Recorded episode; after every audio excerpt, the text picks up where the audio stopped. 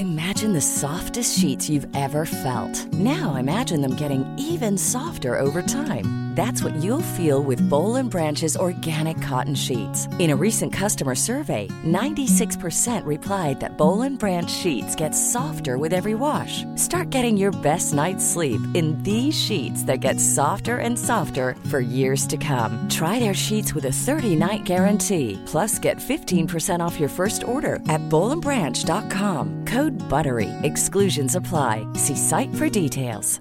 A lot can happen in three years, like a chatbot may be your new best friend. But what won't change? Needing health insurance. United Healthcare Tri Term Medical Plans, underwritten by Golden Rule Insurance Company, offer flexible, budget friendly coverage that lasts nearly three years in some states. Learn more at uh1.com. There's never been a faster or easier way to start your weight loss journey than with PlushCare.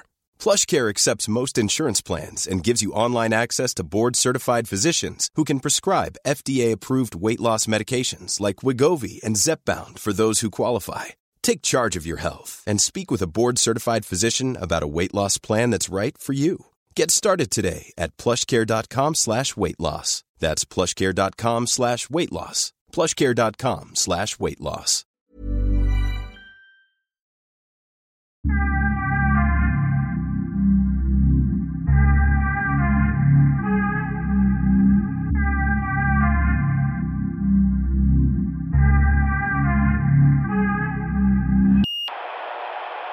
Var du, på lite, var du lite på pickalurven igår? Ja, Hanif? det var jag.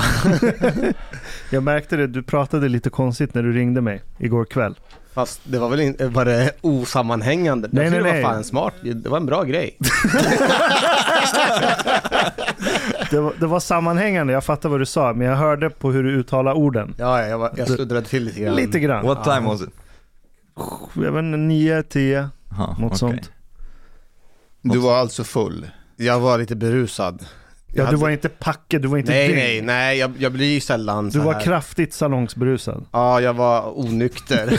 jag kunde stå, men, men vadå, slud, jag sluddrade väl in, ändå inte? Nej, lite grann på ändelsen av vissa Ah, ord som okej. jag kunde höra. Ja, So you just came from the directly from the airport basically now? ja From exakt. Nej, men jag var lite så här, jag hade lite dåligt samvete för jag missade ju flyget. Jag skulle egentligen flyga hem igår.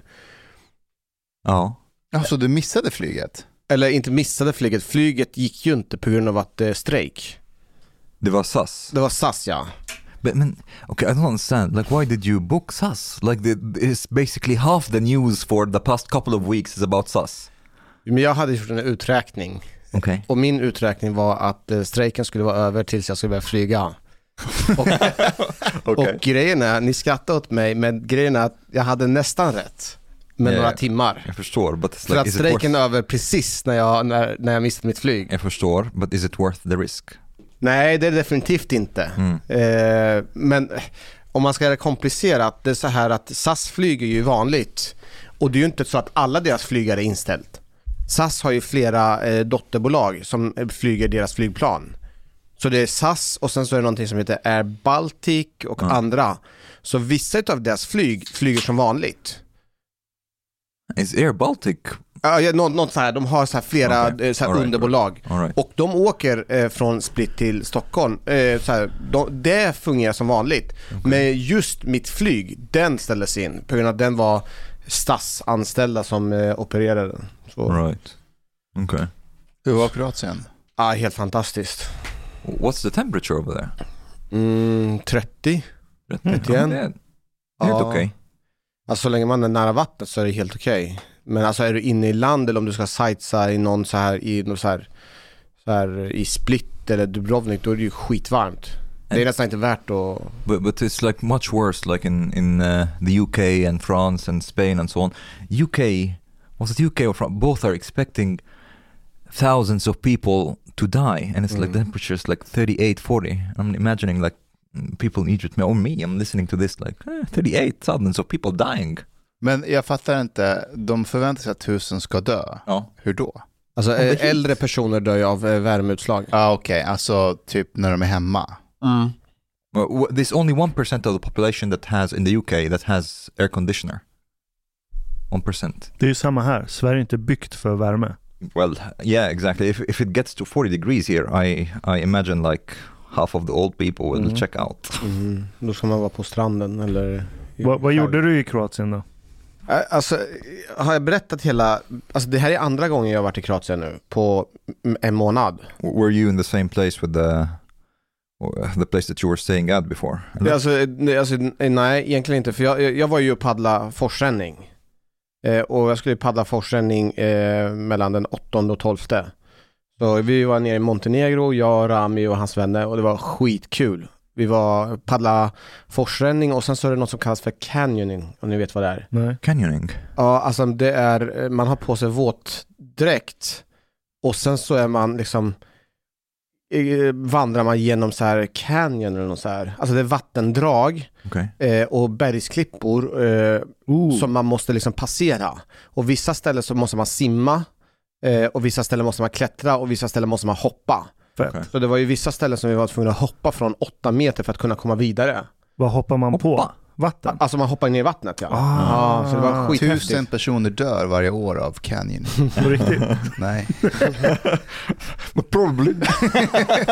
Hur gör man med packning? Har man packning? Nej, alltså vi är bara våtdräkt och sen så har man en slags blöjliknande grej som gör att man glider. Aha. ja. Ah. Sen packningen har man inte, men det är jävligt kallt i vattnet. Eh, jag vet inte, det kanske är typ 12, ah, 14-15 grader. Men våtdräkten gör att man behåller sig ändå rätt så varm. Hur Och- lång är en kurs då? Är den tio Eller det timmar? var kanske två, två och en halv timme som vi bara var tvungna att vandra genom vattnet liksom.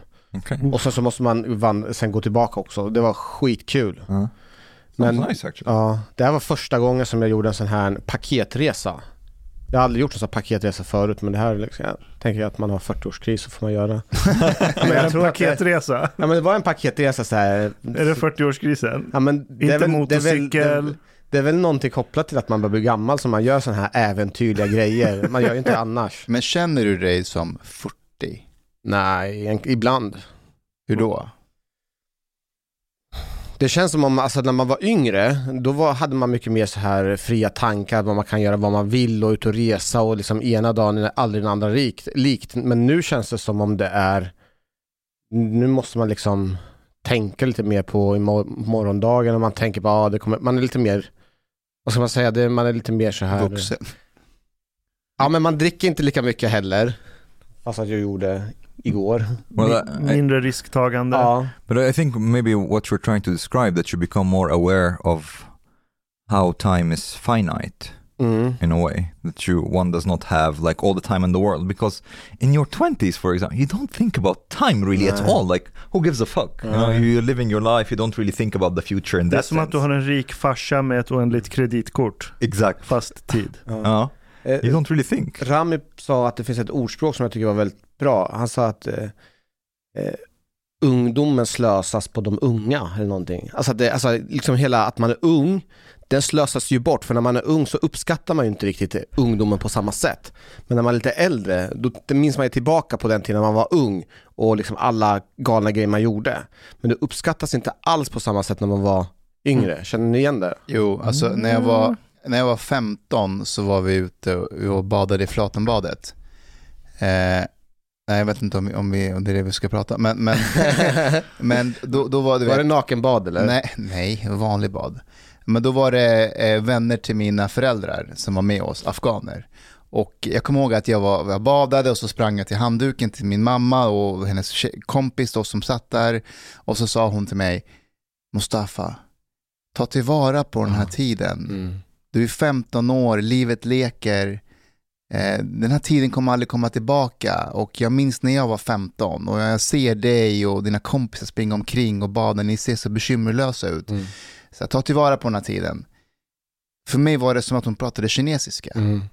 Vad, vad snackar hon om? Jo, jag, du vet, det är nu man tänker, fan hon hade en poäng. that's interesting I think for me it's the opposite Mm. Samma här. Uh, I was able to enjoy like things before I think at a much higher degree because I didn't have really any any kind of like worries. I don't. I didn't really have like much thoughts about the future. I was actually I had much more. Ca- even though I'm trying really hard now to be as much as possible living in the now, I'm not at all Jo. able to do it as before. Nej men vänta nu. Det är klart att jag njöt av livet, alltså jag njöt ju, jag var i nuet. Men jag, Man uppskattar inte det. Alltså, ma- man tänker inte att det kommer komma en tid i framtiden då du inte kommer att känna på, på samma sätt som nu. Mm. Därför borde jag uppskatta det här. Förstår ni vad jag menar? Ja, definitivt. Det var, ja. Fan, nej, det gör inte jag. Nej, inte jag jag saknar inte ungdomen alls. Men- Och jag, den, var inte, den är inte alls bekymmerlös. Jag tror bara att era Alltså- hjärnor har målat upp någon sorts så här rosig bild av hur det var. Men ni, ni glömmer bort all så här ångest, finnar, kroppsförändringar, kärleksdrama. Men allt det där var ju häftigt. Alltså, allt Nu det där i var efterhand spänn- tycker ja, men Det var ju spännande och Okej. nytt. Första gången man träffade eh, tjej, man var liksom Eller en kille. eller en kille och man sprang till badhuset när de hade stängt, man hoppade över stängslen, nakenbadade med någon tjej och kanske hade sex i poolen. Det är någonting som många känner igen sig Det och som man detaljerat minne, men Det var inte alls detaljerat. okej. det var ett väldigt specifikt minne. ja men grejen det det här, låter som att det- du är besatt av det där minnet. Ja, men det är, alltså, jag tror att det är jättemånga som delar en sån här minne och framförallt under sommaren att man badar naket liksom efter att man varit ute och festat och så. Det är skitvanligt. Det är liksom där jag längtar tillbaka till att man, alltså för sig jag kan göra det fortfarande men Exakt det är det här som är viktigt med mentaliteten, att man inte låser, sig, låser fast sig utan man fortsätter att vara ungdomlig på något sätt. But, but there is also another thing why it was, uh, for me at least, more enjoyable to, to experience stuff when I was younger. It seems that there's like some kind, almost like uh, some sort of tolerance to experience. You know, the more experience you have, the um, the less the experience is like majestic in a way. Like I remember the very first time I I traveled abroad, Mm. it was like shit. I I went to another universe. You know, I, it, things were so exciting Mm. uh, for me. Uh, same thing when I when I went to Brazil, for example. But right now, I've had so many experiences in my life. Things are yeah, it's it's nice experience, but it's not majestic in the same way. Same thing when it comes to like uh, even like f- feelings, like love. If you are like interested in a girl and so on, like as a teenager, you could like fall in love with like with a girl just by looking at her and like uh, you have butterflies and so on. Right now, butterflies are there's one butterfly maybe. Det är sant. ja, Det är inte så för mig. nej. Nej. Men alltså första gången som ni var med någon tjej eller kille, det var ju helt, var det inte magiskt? Det var Ja. inte så att ni hade ångest eller? Hade du ångest Ashkan? Nej men det var ju psykos. Det är först, första gången man får kontakt med en tjej och blir intresserad av den och får någon respons tillbaka. Mm. Och fjärilarna hit och dit som man känner. Det där är ju bara en psykos. Vadå Det, psykos? det är en jävla knarkpsykos hjärnan sätts under. Det som folk kallar för förälskelse. You just had to ruin our all, like Det är, det är våra fina minnen. all Fan, our lives. Ja, men han har ju rätt. Nej men jag, jag säger inte att det är ett dåligt minne, men det är en psykos. Du, blir, du, du tar dumma beslut, du ser inte nackdelar, du, du, du blir helt hög. Ja. Det är en det jävla... jag saknar det där.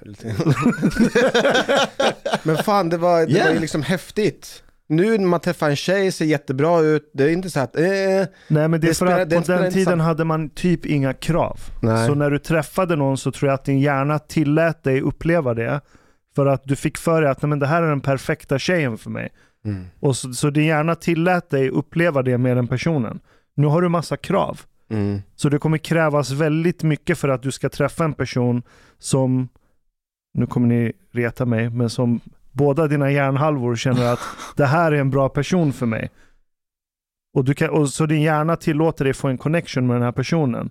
Du har fler krav på att få en sån connection.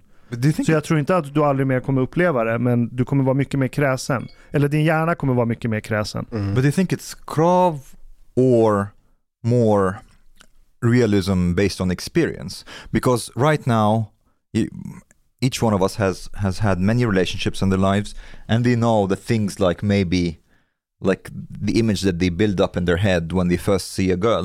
That's not a realistic image, and there will be problems in the relationship and things like that. So you know that this is not not like problemfritt, and In- then it's not as exciting. I så fall tror jag att människor inte är tillräckligt ärliga med sig själv vilka krav de har på vem de ska träffa. Mm. Jag tror många settle, nöjer sig med någon som är tillräckligt problemfri. Och hamnar du med en sån så tror jag aldrig du kommer få den här kompletta upplevelsen av kärlek som vi har minnen av från när vi var unga. Mm. Men det var ju en psykos som du sa. Ja, det var en psykos. Så, Så. Det är en psykos för att sannolikheten för att du ska ha träffat någon som är din soulmate när du var 15, den är i princip noll. Så jag säger att den är en psykos för att den hade inget överlapp med verkligheten. Fast, Men träffar du en som faktiskt är din själsfrände i vår ålder, där massa saker som du har krav på egentligen, men kanske har tryckt undan. Om alla de kraven uppfylls och du får samma känsla, då är inte det en psykos längre, för den har en överlapp med verkligheten. Ashkan, jag har en fråga. Tror du på själs... Vad heter det? Själsvän? Jag tror att man kan hitta en person som man blir kär i och vill spendera resten av sitt liv med och kalla den för sin ja, men, så kallade soulmate eller själsfrände. Mhm. Ja, men jag tror att sannolikheten för det är låg och alla kommer inte kunna uppleva det. Mhm. Tror du inte att det finns stora möjligheter om man ändrar sin inställning bara?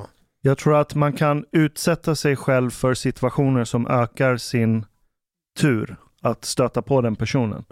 Så sitter man hemma varje kväll och surfar på internet så är sannolikheten för att få den turen noll. Det beror på om man är i olika forum. Okej, fair enough. Men jag menar, du kan, du kan bete dig på olika sätt för att öka sannolikheten för att stöta på den personen. Och jag tror inte att det är bara en person i hela universum. Nej. Det finns säkert massa människor som du potentiellt skulle kunna få den kopplingen med. Men sannolikheten är låg och, jag tror, och det är ingen mänsklig rättighet att alla kommer få känna det. Och jag tror inte alla gör det. Men vissa har tur och kommer hamna i den sitsen. Och då känner man hela den här paletten av upplevelse. Men den är nog inte lika psykosig som då. För då, när man var 15, allt det skedde under förloppet av tre veckor. Sen dag Det ett sant. på vecka fyra var man, fan jag är med den här personen, what the fuck det have I är fan done? riktigt. Det är, just, det var sant, det var så- tillfälligt. Allt var så dramatiskt. Ja det var det. Det väldigt gick dramatiskt. väldigt fort. Ja. Det var det. Ja, Men fan- psykosigt. Men jag älskar den här spon- allting som var så spontant också. Alltså blandar du inte ihop det här med lägret i Irak då? Nej.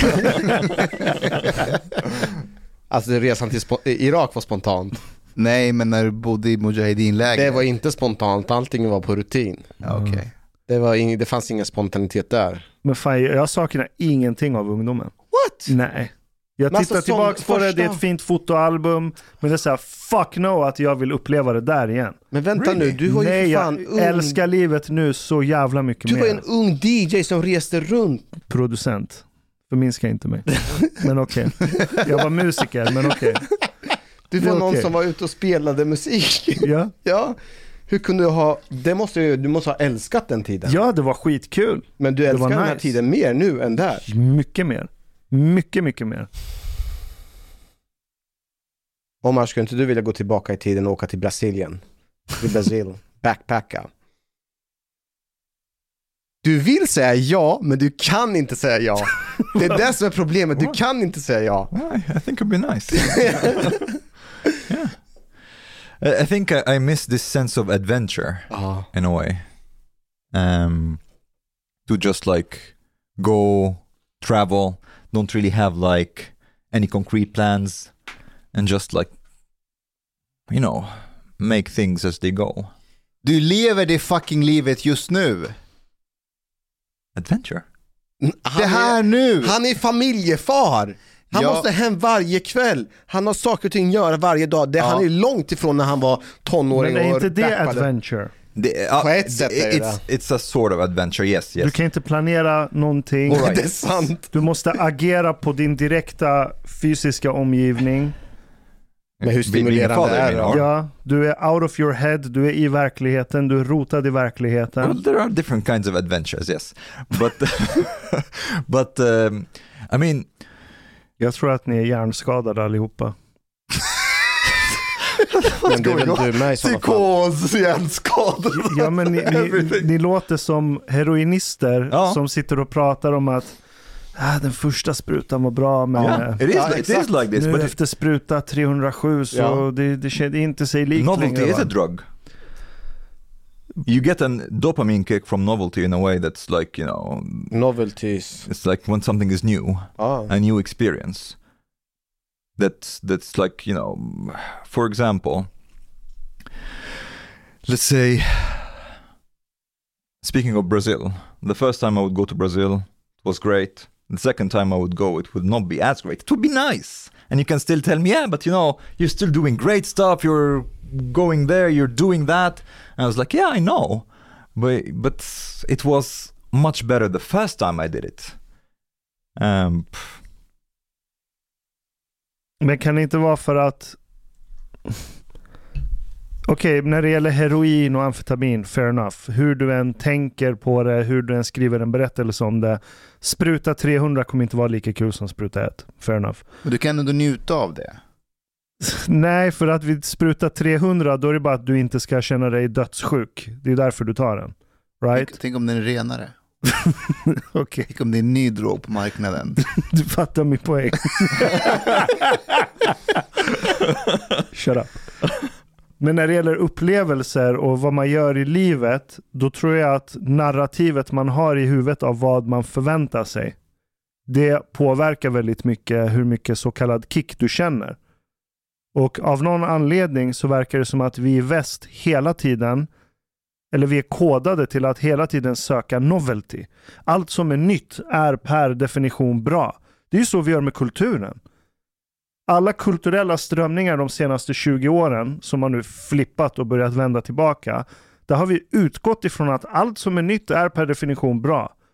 Att inte ha kön, det är en ny tanke. Ah, den är bra! Och så går vi bananas hela vägen full retard på det spåret. Det är lite spännande. Faktiskt. Det är spännande, men vi antar att det är bra. Etiskt, moraliskt och världsligt och på alla faktorer så är det bra bara för att det är nytt. Och jag tror det är så många ser sitt liv. Bara för att det är nytt så är det bra. But isn't isn't this more like evolutionary rather than just cultural? We we have we are programmed to like seek things like all the time. Nej, det är vi inte alls. Det är vi inte alls. Om du tittar på ett gammalt eh, jägar-samlarsamhälle, deras verklighet var väldigt cirkulärt. Mm. De hade initieringsriter, ritualer, saker som de gjorde med så här jämna mellanrum. Den här filmen vi såg, eh, eh, Secrets of the Tribe. Åh. Jag såg den igår eh, med Ida. Såg du klart den? Eh, en halvtimme kvar. Okej.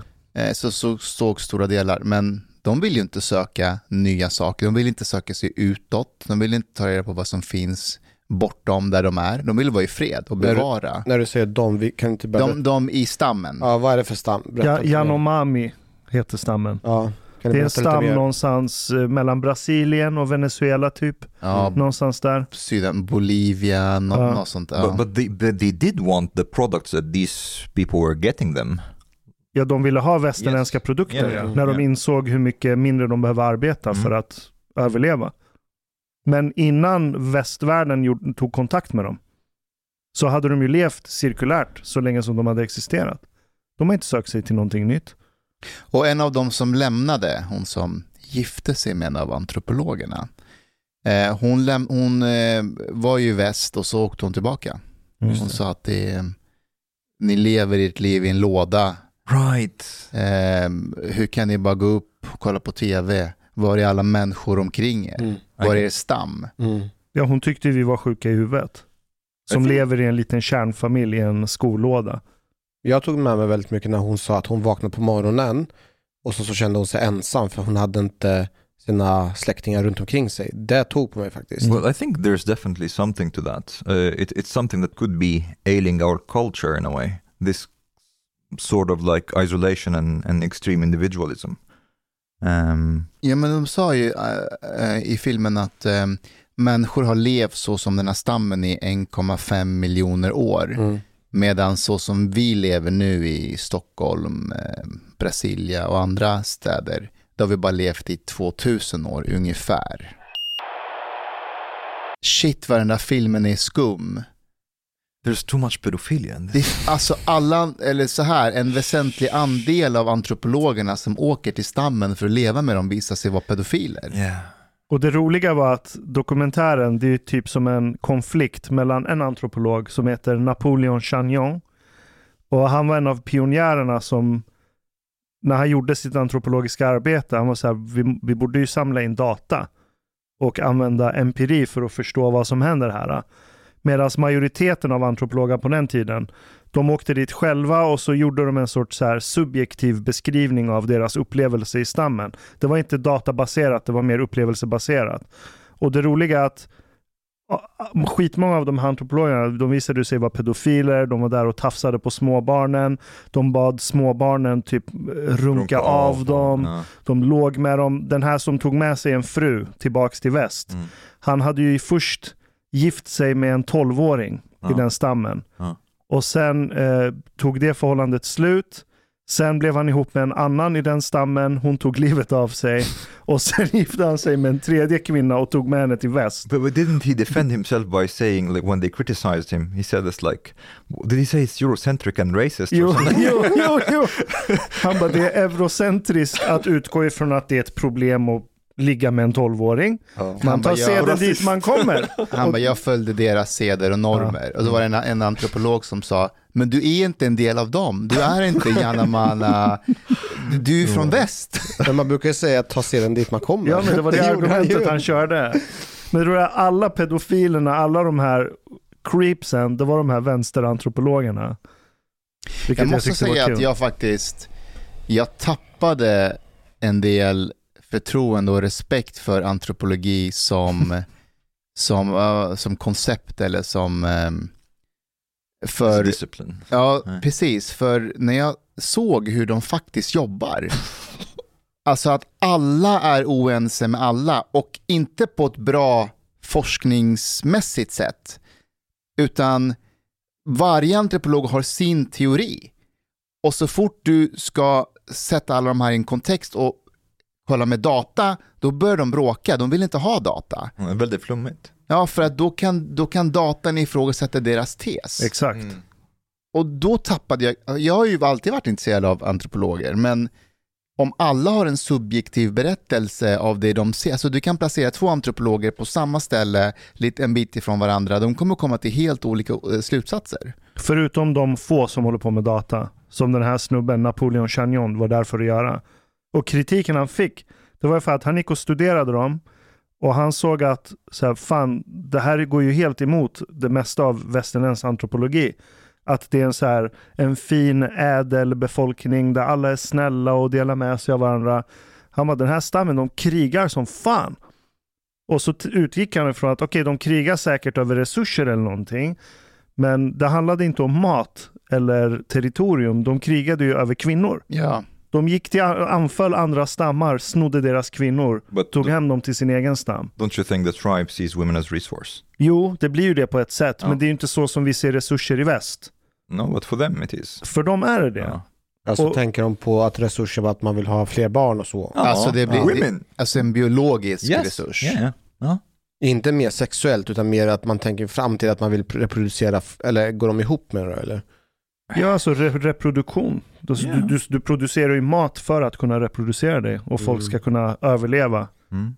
Men jag, jag tycker det var väldigt intressant, han kommer fram till att 40% av alla män i stammen från 25 år och uppåt har deltagit i något mord. Mm. 40%. Och att de var bättre på att reproducera jämfört med de männen som inte hade deltagit i något mord. Alltså de attraherar fler kvinnor. Japp. De Ja. hade fler partners och fler barn. Ja, fler partners, fler barn. Är det inte det som kallas för toxisk maskulinitet? But you're able to provide. Precis. yeah. Eh, men det som var, och det var, här var där jag verkligen så här, wow, nu är jag väldigt misstänksam mot det här konceptet. Och det var att den här Napoleon då kom ju fram till att eh, alltså benägenhet till våldsamhet, det finns inom oss, det finns inom människan. Att mörda för att skydda och så vidare, det finns där.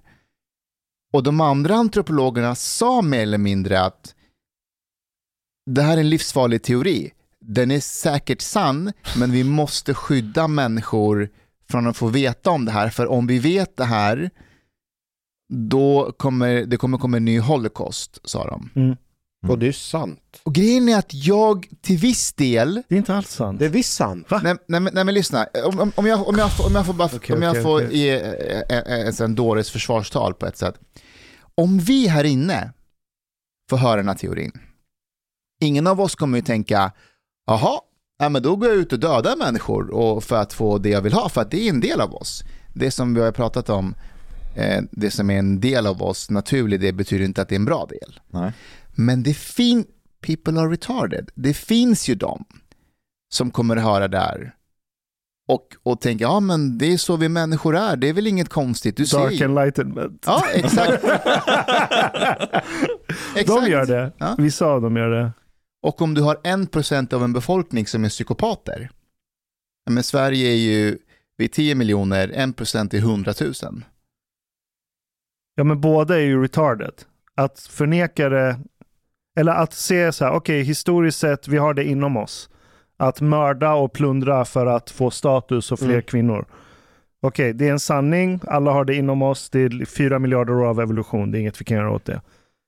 Och så på- historiska på, på det också. Rent biologiskt kan vi inte göra någonting åt det. Nej. Sen har du de som säger att ja, fast vill vi leva i en liberal demokrati, då är det farligt med sådana här sanningar. Ja. Då borde inte vi lyfta fram dem. Vi borde ignorera dem och trycka undan dem. Det är ju lika retarded. Det är Du har, exakt du har lika ju retarded. rätt, men ändå, alltså så här, eh, nu, du kanske kan det här bättre än mig, men alltså genom historien så har det funnits flera människoraser som har levt på den här planeten samtidigt, eller hur? Har det Ja. inte varit sju, åtta stycken raser? Ja, Ja. jag vet inte hur många, men neandertal och homo sapiens har levt samtidigt ja. till Och exempel. sen så har man ju, har ju neandertalarna utrotats. Ja, vi låg med lite av dem, så vi har ju 4% ungefär. Men var det, det kanske är en, en vild gissning att, eh, var det inte så att Homo sapiens utrotade neandertalarna? Eller det, det är inte nej, belagt med... nej, det är inte belagt så svart på vitt så som jag känner till det. Utan de dog ut för att deras kultur var för rigid. And they did fuck each other also. Ja, det gjorde de. Men neandertalarna fastnade ganska länge på en kontinent under en istid. Och deras kultur anpassades till den miljön. Sen när istiden var över och de kom tillbaks till miljöer som inte var istid, så var deras kultur för fast i istidskulturen, så de kunde inte anpassa sig till den nya miljön. Så det är en anledning till varför de dog ut. Så de var inte lika kulturellt flexibla. Nej, men om vi tittar på Du, historien. du behöver en kulturell ryggradslöshet för att kunna anpassa dig snabbt. Ja, men om man tittar på historien kring olika folkslag då, liksom judarna som man har ju rensat ut, svarta hutsier, tutsier i Afrika, i, i, i, även i Kambodja. Alltså, ligger det inte någonting i det att om man kommer fram till att vissa är mer våldsbenägna, vissa, vissa är mer farliga, då måste vi alla andra skydda oss mot de här. But- Och att man, vi, alltså, även om inte själva så det, det kommer växa bland människor att man ska akta sig för de här. But but you're mixing mixing up biology and culture. The, there are cultures that could be more violent. There are war cultures, for yeah. example. Uh, and that does not mean that they have it in their biology. That, for example, if, if you take a, a little child from that tribe or that culture and you raise it in the West, that child, because of their biology, will just grow up Nej, to, den to kommer bli som. Nej, den, den kommer bli som oss. yeah, Ja. Th- that's the thing. So it's, it's actually far from, from Fast race. om du, om, du, om du utsätter det barnet för krig så kanske den kommer ha lättare för att börja kriga jämfört med någon annan i den kulturen som har växt upp under fredliga omständigheter. Ja, det är som Omar och oss. Ja. Du, Nej, nej, nej, men om barnet, alltså så fort den föds Yeah, i en krigarkultur, om den adopteras in Yes. i, vad vet jag, i, i någon stad i Bohuslän, den kommer inte bli en krigare. Nej. Den kommer ha samma sannolikhet att bli som alla oss andra. We're talking an upp här. infant here. jag, jag, Ja. vet, jag vet, men när den blir äldre, alltså du vet det här om du hamnar i en jättestressig situation, antingen så har du fight eller flight. Mm. Vad är det som säger att den här ungen, den kanske kommer ha mer fight i sig än flight? Ja, men det har inget att göra med dens förfäders kultur. Det har bara med dens biologi att göra. Okay, mm, let me push back a bit on that though. Uh, isn't it possible that if you are within a warrior culture, uh, that basically the most violent men in the culture are the ones who reproduce the most, Jo, that is more likely to produce uh, violent. jo så kan det Ja. vara. Men det, vi vet inte om det är, eh, det kan vara epigenetiskt också. Ja. Alltså att vissa, att vissa gener eh, får mer uttryck beroende på miljön. Så miljön kan göra att vissa av dina gener trycks fram mer eller syns manifesteras mer än andra. Mm. Och viss del av epigenetiken kan överföras till avkomman. Mm. Så om du växer upp i en väldigt stressfull miljö och mamman är väldigt stressad under graviditet etc. Då kan det överföras lite till ungen. Så att de generna hos ungen trycks fram redan från start. Sen hur mycket av det som du beskriver, alltså warrior culture, hur mycket av det som är epigenetik eller ren rågenetik i grunden, det vet jag inte. Det kan ju vara en blandning. Mm, Det kanske. är fett svårt att utröna också. But uh, but it's also like it's a bit strange. Like speaking of this documentary, that they found it like a far-fetched idea that tribes would go to war for women. This is something that people have done like throughout history. Ja, de vägrade acceptera det. Yeah, Fastän den här very Napoleon strange. visade data, de gick och intervjuade dem själva och de själva sa på film att ja, de kom hit och tog våra kvinnor förra veckan. Vi blev skitsura så vi gick dit och They högg ner. for women. Yeah, like we we, yeah. war, we go to war for women. And there's even uh, there's even a hadith about that actually. The supposedly that Muhammad said, "Go and and war against the Byzantines, so that you uh, get blonde women Mhm. and the women of Rome." Okej, vänta. Ashkan, vad betyder den här biten egentligen? Ni, ni, har, ni, ni, ni har sett Dune. Ni har sett Dune. Ja. Dune handlar om jihad. Ja.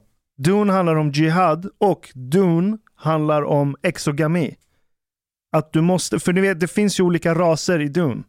Mm. Du har de här uh, Be- Bessie Generates, de här, den här kvinnorasen som kan läsa tankar och få andra människor att bete sig utifrån deras vilja etc. Du har olika raser. De sysslade med eugenics. Ja, men så, så var han, eh, jag har glömt vad huvudkaraktären heter, han Paul. Paul, Eh. ungen. Ja. Ja, han vaknar ju upp i slutet av filmen när han sitter i det här tältet och är under någon så här psykedelisk eh, tillstånd. Trigger warning. Uh, uh, spoiler warning. Ja, ja, men, ja spoiler warning. Mm. Hans insikt är ju att han måste bedriva jihad för att blanda ihop befolkningarna igen. Mm. Och det det är den hadithen du snackar om. Det är ju inte en för slump den att... förklaringen. Det makes, it makes mer sense nu än din retarded förklaring. Ja men det är därför det finns sådana uppmaningar till krig mot andra så kallade raser i till exempel Koranen. Och i andra religioner. Det är exogami. Det förbättrar genpoolen. Jag säger inte att det är nice. Och jag säger inte att folk ska gå och bilda en religion och gå och utrota männen i en annan grupp och sno deras kvinnor. Det är inte det jag säger. Jag säger bara att det finns en förklaring till varför sådana här uppmaningar har överlevt genom historien. För att det har skapat en bättre diversifierad, mer inkluderande It- It's, genpool, it's partly that. It's like uh, could be like the how to say the uh, bigger picture, but then there is also the direct. It's an incentive. Like Ja, och det är därför man måste lära sig symboliken och metaforiken bakom religionerna. För annars går man och tar ett svärd och går och hugger ner grannen och tar dens fru. but don't you? Medan i, idag i modern kontext så läser man den hadithen och så kanske man tänker Hej, vad nice. Det är dåligt med incest. Ja, och Så- det, var, det var det profeten ville. Det är undermedvetet, det är vad de kom fram till, men de kunde inte förklara But varför. aren't you aren't you giving Muhammad a bit too much credit though? This Nej, because this det- is han ger honom för lite credit. it's like historically uh, i don't really think that he was trying to like explain that you know the genes for our tribe Nej, and nej, so on nej. like he, he's giving the people there incentive to go and, and de, vi, go de, to vi, war de visste inte vad gener och sånt var, men de visste att det här beteendet verkar leda till bättre avkomma framför det där beteendet. Och de hade inga koncept kring mänskliga rättigheter och alla de här sakerna. Så tyvärr så var det krig de fick använda sig av. I modern kontext, vi vet att exogami är mycket bättre än endogami där man gifter sig med kusiner och släktingar och syskon. Vilket är katastrof för avkomma. Då behöver vi inte bedriva krig. Vi kan till exempel ha, vad vet jag, öppna gränser och fri invandring för alla som kan försörja sig själva. Då uppmanar vi att andra människor med andra genpooler kommer hit. Å andra sidan, befolkningen idag är så pass stor, Ja. även i ett litet land som Sverige, så endogami är ett icke-problem. As long as you don't marry your cousin Exakt. Och i Sverige har vi andra system för att kusiner inte ska... Eller vänta, är kusingifte olagligt? Nej. Nej, Nej. det är fan lagligt. Fuck. Okej. I Island har de förbjudit det i alla fall. Där trackar de ju dig genetiskt. Mhm. För att det finns en risk. De är ju bara 300 000 Isolated personer. Ja. ja. Ja, men samma i Danmark. Är det? Ja. Ja, du ser. Va? I Danmark? Det är förbjudet med kusingifte. Och de kollar ju upp ifall du... Aha. Är det, standardproceduren liksom? När du ja, skaffar barn med alltså dem? de har något system ifall du ska ta hit någon anhörig och gifta dig med det och ta reda på vem det är. Shit, is that true? Denmark like made um, kusinäktenskap olagligt? Visste inte Ja, det? Danmark, Danmark är förbjudet. So why? Why not us? Men, men sprang vi förbi den eh, centrala frågan där? Tell me. Det var det här med eh, om man ska skydda information. No, Aha. never. Det var väl det som... Nej, utan man, jag, jag tycker det är retarded att trycka ner den sanningen att vi har våld och krigsföring i oss rent biologiskt. Det är retarded. Det är också retarded att gå och attackera grannförorten och ta deras kvinnor. Båda är lika retarded. Men om man istället accepterar att vi, är, vi har våldstörst i oss, framförallt män, men också kvinnor. Om vi bejakar det och så utformar vi kulturen så att man kan få utlopp för det här våldet. Till exempel genom initieringsriter på ett modernt sätt. Lumpen, gå och hålla på med kampsport, hålla på med kontaktsport. Men jag, Då kan du få utlopp för det här. men jag tänker på en principiell plan om det är så att i vissa fall när det kommer så pass känslig information ut att man väljer att spara på det här för att det ska skydda människorna. Det är du generellt sett emot, eller hur Ashkan? Ja. Du jag tror, att skyddar, alla, tror att alla andra, alla skulle kunna hantera det. Men då är inte problemet att, då är problemet varför kan inte de hantera det? Jag anser inte att du skyddar någon genom att underhåll, eh, undanhålla information. I think it backfires as well Om if vi, you try skulle, to hide om, information. om, om vi från polisen sett, nu, nu är det ju väldigt mycket som har urspårat, men om man skulle beskriva liksom hur, även säkerhetsläget, hur, hur liksom rikets säkerhet, om säk, säkerhetspolisen skulle gå ut och beskriva hur, hur, hur situationen ser ut på olika sätt, kommer inte många människor få panik och bara göra sjuka grejer? Okej, Alltså om men det nu, finns en massa pass mycket Okej. känslig information som om det bara läckte ut så, så kan inte människor hantera det. But don't you think like what's happening is the opposite now? Is that people like have lost the trust for the establishment because they think the establishment is hiding the truth from them. This gives rise to all these conspiracy theories and resentment against the establishment and the state and all that. Och det är en fin balansgång där. Is it though? men, okej, men det finns en skillnad i vad som kan orsaka akut panik och vad som kan orsaka långsiktiga problem. Så säg att, vad vet jag, försvaret sitter på hemlig info om att det finns en överhängande risk för att Ryssland atombombar Sverige. Ja. Jag bara hittar på det här nu. Då, då är det såklart vår chans att försvara oss kommer ju sjunka om samhället sätts i masspanik, om Mm. den här informationen läcks ut. Då finns det fog för att hålla undan den här sanningen från den stora folkmassan för att undvika panik, vilket ökar vår chans att överleva. Det är en sak. Men att människor har en inneboende törst efter våld och dominans. Att undanhålla det, att få ut den informationen, det kommer inte skapa en akut. Nej, det är sant. Panik. Nej, det är sant. But wait, this is this is an inter- you've brought up an interesting moral dilemma. Like, should the state, if let's say you are in charge of a state and and you kind of know that there is a ninety percent chance that the country will be nuked, isn't it better to tell the people? like, imagine like if basically the chance is so high that basically your country will be, yeah, nuked. Vad hette They den should leave. Mm. The people should leave in this case. Det påminner At om den least i- it should be considered that maybe I should tell them. Påminner inte det om den här filmen på Netflix? Vad hette den? Don't look up. Ja, fast det var inte Nuke, det var ju en... Klimat. Yeah. Nej, nej, nej, det var en asteroid. Yes, Asteroid, men det är lite Something samma similar sak. to that. A little bit similar to Och that. folk panikar ju och det vart anarki. But if you judge that actually the chances are really high, I think you have a responsibility maybe to say, okay, if you want to leave, maybe it's it's time to do it. Ja, om det är ett hot som vi inte kan försvara oss mot. Anyway. Ja. Okej. Mm. Ja. Jag tycker man ska bara berätta för vissa människor. Jo, men jag tror också. I, Så- alltså alla kan inte få veta allt. Mustafa, in Denmark it's not illegal to marry your cousin. Jaha. Är det inte? Nay. However, so there's another another part. Denmark has implemented a rule of presumption according to which transnational marriages between spouses with a specified degree of relatedness, primarily first and second cousins, are presumed to be forced marriages. You see, so they they they had it like an honor culture thing. So basically, if you no, if, you if you're not from how I how I interpret if you're not really from Denmark and you are bringing your cousin from Iraq, they will not let you get Eh, married. Ja, men precis. No. Och vänta, Norge tror jag har, för att i Norge har man haft stora problem med pakistanier, där det i princip har varit inavel. Så man har förbjudit det där Har de förbjudit speci- redan? specifikt för att komma åt pakistanierna i Norge. Because probably there weren't ma- many Norwegians marrying their cousins. Nej, exakt.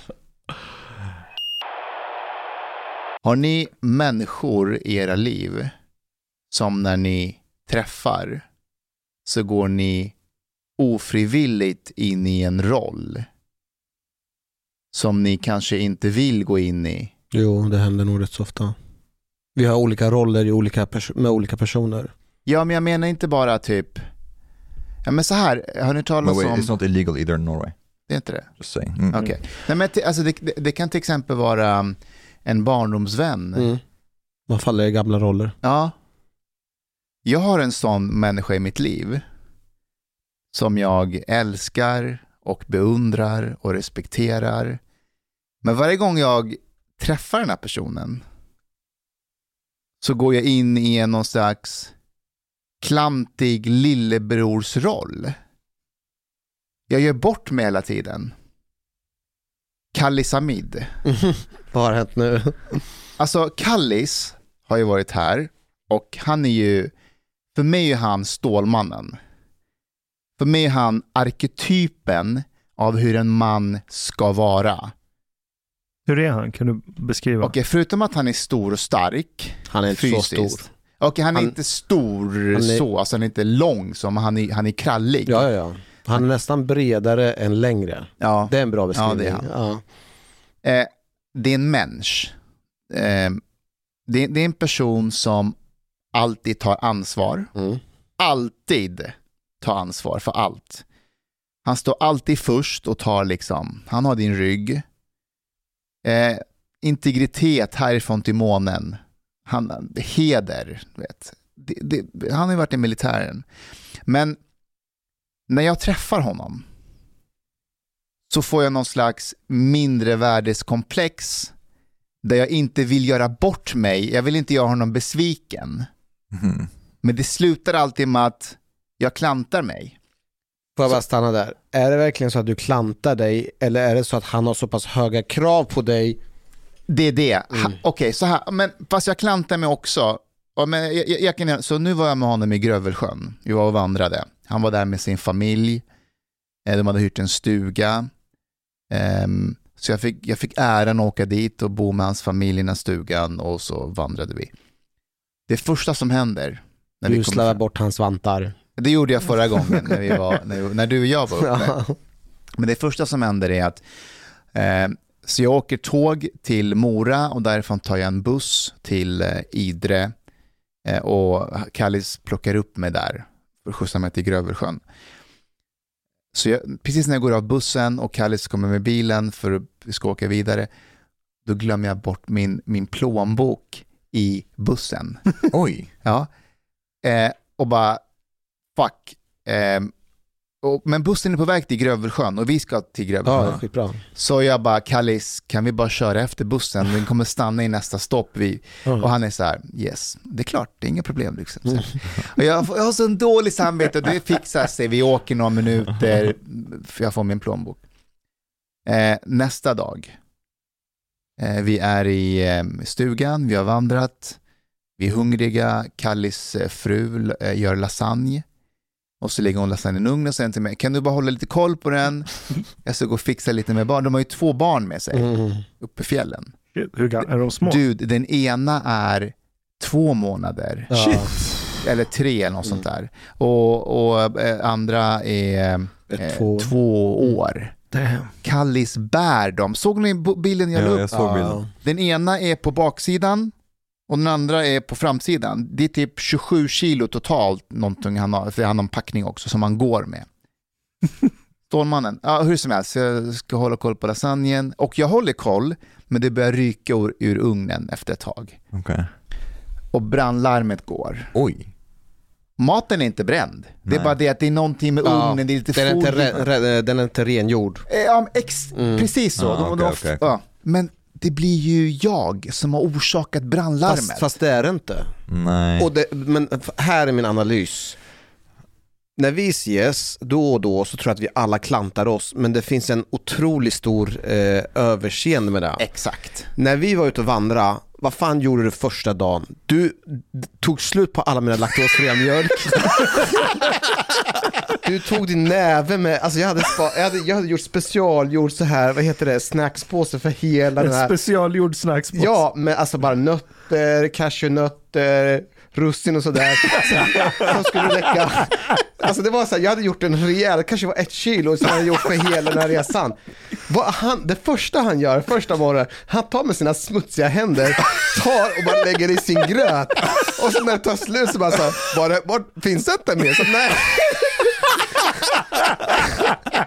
Skillnaden här, det är i vårt sällskap Ja. så finns en oerhört tolerans för att man gör bort sig. Men Exakt. du och Kallis, ni har en annan relation. Precis. Det är helt rätt Ja. analys. Tredje dagen.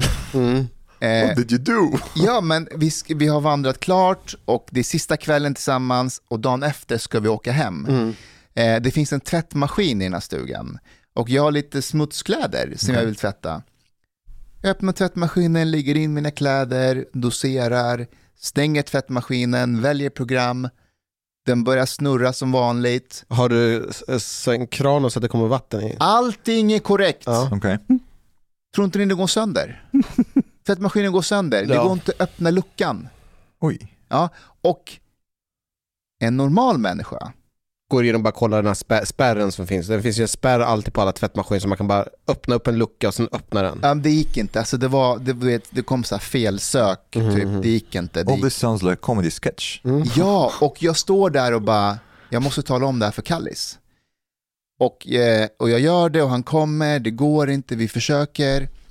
Och som sagt, en normal person ringer ju stugansvariga och säger Hej, tvättmaskinen har tyvärr gått sönder, man, man felanmäler den. Ja. Mm, mm, mm. Kallis Hamid är ju inte en normal människa, så han måste öppna hela tvättmaskinen. Han hämtar verktyg och öppnar hela tvättmaskinen för att se vad som har gått sönder. För Kallis Hamid har ju en filosofi som går ut på att du lämnar ingenting sönder efter dig när du lämnar, utan du lämnar tillbaka det i samma skick som du fick det i. Och det här tar, det här tar två timmar att öppna Ja, upp den här det där maskinen. låter tokigt alltså. Det låter, det låter bra när man säger det, men i verkligheten, jag, jag, vill inte, jag älskar Kallis, men det, jag måste bara säga, det man gör det att det finns saker och ting som man inte kan rå på och man, eh, man, man, man säger till. Och problemet är den här dynamiken Ja. mellan er två som gör att han har högre förväntningar Han på sig själv och alla andra. Ja. Gör att du, med, med hans höga förväntningar, så kommer alla andra ka, kanske framstå i sämre dagar. Det är precis så. Och lyssna på det här. På väg hit idag, vid Hornstull, så springer jag på Eli Gönder. Och Eli säger, jag såg att du var uppe i fjällen med Stålmannen, för Mm, jag skrev Stålmannen på bilden. Ja. Jag bara, "Ah." han bara, hade ni det bra? Jag bara, det var fantastiskt. Och säger Eli, jag tål inte den här mannen. Och jag bara, vadå då? Han är alldeles för perfekt. Det finns inga brister med den här mannen. Och så säger han, varje gång man är i hans sällskap så har man ständigt dåligt samvete. Mhm. Och det, det är lite så, för han är perfekt. Han är perfekt. Nu har inte jag träffat honom så många gånger men det, den känslan får inte jag. Träffade honom en gång. Ja. Menar du att du också är nära perfekt? Nej inte så, däremot så tänker jag att jag, jag, jag bryr mig kanske inte på samma sätt över när man gör bort sig på samma, liksom när man är med sina vänner, vi gör bort oss hela tiden och det finns ändå en tolerans för när vi gör bort oss. Ja, och speciellt när man, det är inte liksom, det är en klantig grej. Man har inte gjort det med flit. Men med, med Kallis blir det som att jag sviker honom och sviker Typ de förväntningarna. Alltså, dude, ni skulle sett honom under den här fjäll. Så som han är med sina barn. Det finns inte en liten stund där han tar en liten, liten stund för sig själv. Han är ständigt, finns där för barnen, leker med barnen, ser till att de har det bra, ser till att vi har det bra. Hela tiden. Nu låter jag lite smörig, men inte Ashkan lite likadan? När du är med, med din dotter, alltså du är ju 100% närvarande. Även fast du kan vara liksom irriterad, saker och ting kan hända. Du tappar ju det aldrig, eller hur? Jo, jag kan visst tappa det. Framför, framför din dotter. Ja, men alltså, jag, Det har inte jag sett jag tappar det inte som Nej. att jag får panik eller flippar. Nej. Vadå, det händer jätteofta där jag är trött. Vi Du har, är trött, men du säger ingenting. Jo, jag har sagt till henne flera gånger Mhm. att jag är trött. Jag orkar inte lyssna på vad du har att berätta just nu. Så nu har vi pratpaus. But I Oh, would do- say that Ashkan does not like focus just on on Lou either. Like he's able to be with us even when he has Lou, for example. Ja, Mm. Jag, jag, like all your jag, focus jag sysselsätter ju henne. Hon får gå och Ja. hitta på någonting eller gå och prata med andra. Mm. Så hon får ju cirkulera runt. Ja, alltså det är inte så att Kalle skiter och så. Nej, nej, nej, exakt. Det jag menar är att Han jag fattar inte hur han hinner vara överallt hela tiden. Han är aktiv hela tiden. Och eh, Could han, it be amphetamine? nej, jag tror att det är, det är hans iranska sida. Det, det, det, är någon, det är någon, det är någon super-arier-grej han har fått från någonstans. Men jag, jag tror det finns ett värde i att låta kids ha tråkigt och lösa sin tråkighet själva. Ja. Så jag ser det inte som en failure eller att jag är en dålig pappa om jag inte hela tiden leker med min dotter. Jag leker inte med henne hela tiden alls. Jag leker med henne väldigt sällan. Kanske en timme om dagen om det är en så här halvdag efter att hon kom hem från förskolan. Nej, inte ens det. Halvtimme kanske max. Sen får hon lista ut vad hon ska göra. För jag har shit do. Jag ska laga mat, jag ska städa, jag ska fixa det ena och det andra. Och jag kommer ihåg själv när jag var liten, mina föräldrar lekte inte jättemycket med mig.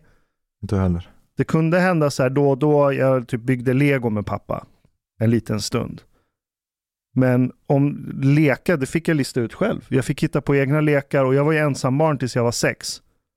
Och min syster, hon var ju bebis, jag kunde inte leka med en bebis. Jag var typ ensambarn väldigt länge. Men det var ju en gåva att kunna lista ut vad jag ska göra med det jag har just nu. Barn har ju aldrig tråkigt. But, but, Nej, och men man måste lära dem att inte ha tråkigt genom att låta dem ha tråkigt. but this is uh, also another cultural thing. In Egypt, it's very strange, and I think in many non-Western con- uh, countries, it's very strange that the parents are the ones who have to entertain their kids or play with them. This never happens in Egypt. Like you are, like I remember, like that that farm that we had. Like my cousins were there and so on. We went out in the morning. All the kids, we were playing. We we came back home just to eat basically. We didn't interact at all with like we the role of like adults was for instruction, protection, guidance. That's it. Exakt. I didn't expect that my father would like, you know, come and play with me in the fields. This would be just strange. Ja. It's not even something I wanted really. Nej. There were other kids. Ja, men ni var omgivna av andra barn. Yes. And and that's the thing. This I would say it's the natural way for children to be for the Jag most tror också part. det. Jag tror att det är en sak att spela fotboll med sin unge, alltså stå och sparka boll. Det är roligt. Ja men det är en aktivitet. Exakt. Alltså, jag kan dra med Lo flera dygn i sträck. Så här, nu ska vi gå och simma, nu ska vi göra det här, vi ska gå på bio. Men då gör vi aktiviteter. Precis. Men att sitta med ungen och bara, där sitter Jakob. Jakob vill ha te nu. Och du bara, då häller vi upp te till Jakob. Det är lite retard. Fuck that shit. det, ja, men ett, ett, det är skitdåliga lekar. Ka karak karaktärerna har inget djup. Det är extremt ytliga karaktärer. Det, det finns ingen backstory till de här karaktärerna. Aha, eh, lilla björnen Jonathan ska ha te. Varför ska han ha te? Det är fucking jävla björn! Det är björn. Björnar dricker inte te. Och det är sju på kvällen. Fast, sju, på kvällen, This is why children should play with children not with adults. fast sju på kvällen kan man faktiskt dricka te. Inte om man är en björn. Och det är vinter. Varför är den här björnen vaken? Han behöver medical emergency. Så det går inte. Men aktiviteter, det är en helt annan sak. Så här, nu ska pappa gå och göra det här, då drar jag med henne. Och så får hon involveras och vara med och typ vara med och hjälpa till till den mån det går. Men jag tror inte det där är en egyptisk versus västerländsk grej. När vi var små, okej vi hade mycket iranier-kompisar. Men då, alla vi kids, det var exakt så som du skriver. Vi försvann, vi kom hem för att käka, sen var vi borta. Men även där jag växte upp på Ekerö, när jag var med kidsen därifrån, där alla var etniska svenskar. Det var så här, man gick och knackade på Björn klockan nio på morgonen, det var lördag. Och så gick man med Björn och knackade på Johan och Christian och så var man en crew. Och sen gick man iväg till något ställe, fan vet jag, klättrade på någonting, spelade But någonting. different now. Nu är det annorlunda. Varför? Det är, det är en intressant fråga. Det är inte annorlunda på landet. Ha. Där gör man det fortfarande. Gör man inte det i storstan? Inte på samma sätt.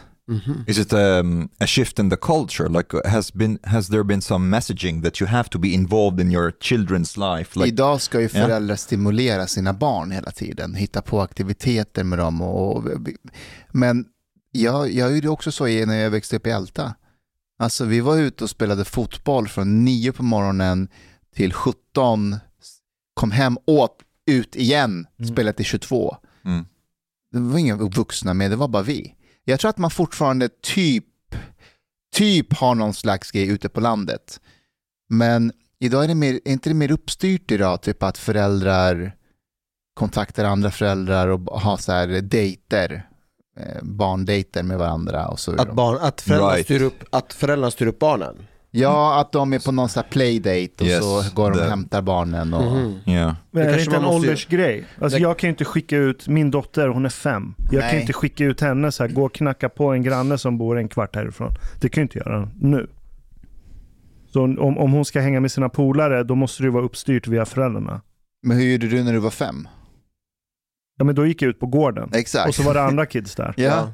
Men det är det, det händer inte idag. Nej, Alltså, det är aldrig några vi- kids på gården själva. Parents are more protective of Ja, their det är alltid today. arrangerat, det är föräldrar där Ja. och de ska hålla på.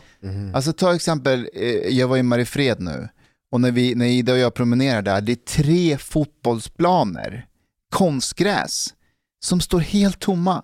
What? Alltså, det var jag- vår dröm när vi Ja. var små, konstgräs. Vi, vi spelar på grus och vi hade inga mål, vi gjorde egna mål Ja. med typ skor och någons t-shirt liksom. Kids are on the screens now as well. Ja, Ja, det det- står helt tomt. Vi slogs med andra barn om, om fotbollsplaner. Idag finns det överflöd men folk, jag, tror, jag, jag vet inte om de är mindre aktiva, det kanske de är, men, men när de spelar då är det organiserat. De är med i något lag eller... Man pratar ju om att man ska försöka aktivera barnen och då är det väldigt mycket aktiviteter. Eh, och det är väl det som är problemet i förorten, att de inte har de här aktiviteterna. Nej. De är ute med varandra, men de är bara där och hänger. Så det finns väl fotbollsplaner i orten, det finns basketplaner. Ja, men den är, de är liksom, det är inte mer organiserat. Och det finns inga organiserade grejer när man blir lite äldre. Ja, men vi, vi hade ingen organisering. När man blir lite, spelar inte du basket till exempel? Jo men då gick jag i lag, Ja, i förorten. Ja. Det finns väl basketlag där I, idag också? nej inte på samma sätt. Inte? Det finns en, en basketlag som heter Shanti någonting, men förutom det så är föreningslivet väldigt, väldigt Finns dåligt. Ja, inte BK alltså- Järva längre till exempel? Basketlaget? Inte vad jag känner Alltså det som gör att föreningslivet funkar, det är ju civilsamhället. Alltså det är föräldrar som, Mm. som är med och ordnar. Så att, Mm. Och det är väl det där det brister i förorterna, att föräldrarna inte är involverade på samma sätt. Nej, de är ju, har ju väldigt många barn. Visst finns det BK? BK Järva finns visst. Men om, du Kista, Husby, jo, Akalla. men om du tänker dig förhållandevis hur många barn det är så är det för lite föräldrar som är engagerade i sina barn. Okej, men då är det det som är problemet. Men det är det- att föräldrarna inte är engagerade i att engagera barnen. Ja, och sen have också eight att- children. I, Ja, och sen det är så har lite man så svårare här, då. Och så har man ju många så här ideella personer som ställer, en förälder kan vara fotbollstränare. Och det, sånt fattas också. Mm. Det finns BK Järva. Järva och sen Shanti Basket, men förutom det så finns det inte så mycket mer. Ashkan, you, you Lou started uh, förskola at one, right? Ja, hon var ett. Yeah. I think Noah also like start around that age. So we were going around like checking out förskolor and, and so on. And in one of them, uh, I saw two women. I think one of them var en pedagog and one was a parent, maybe, or maybe both, they work there, in hijab, and one of them has the more conservative hijab, the one with like, uh, uh, uh, no, uh, khimar. It's, Khimar, är the, the face, the face is uncovered, What? but like a more of a um, longer. Uh, Alltså hela håret är täckt. yeah, yeah, but but then the, it, it, the veil itself is also long and very very loose uh, dress. Jaha, så du ser inga kropps Yeah, exactly, exactly. features, Mm. så att säga. And then I was like, ah, okay, maybe not that förskola. Varför? Okej. Du har lyssnat så här långt. På sista måltid. En mycket fin radioprogram i Sverige. Du tycker det är mycket trevligt. Men, min vän, lyssna på mig nu. Du har inte betalat biljett på klubb sista måltid. De har blatte grabbarna de behöver pengar. Flis. Lax. Stolar. Dyra Lix Lyxhotell. Du vet. Då måste du betala om du ska lyssna mer. Du får gaflera fler avsnitt också. biudande, heltenkelt. helt enkelt. Läs i beskrivning för avsnitt, där det finns information för att bli medlem på klubzista måltid. Det kostar som en mycket liten kaffelatte ute på torget. Per månad. Lätt som en plätt. Tack,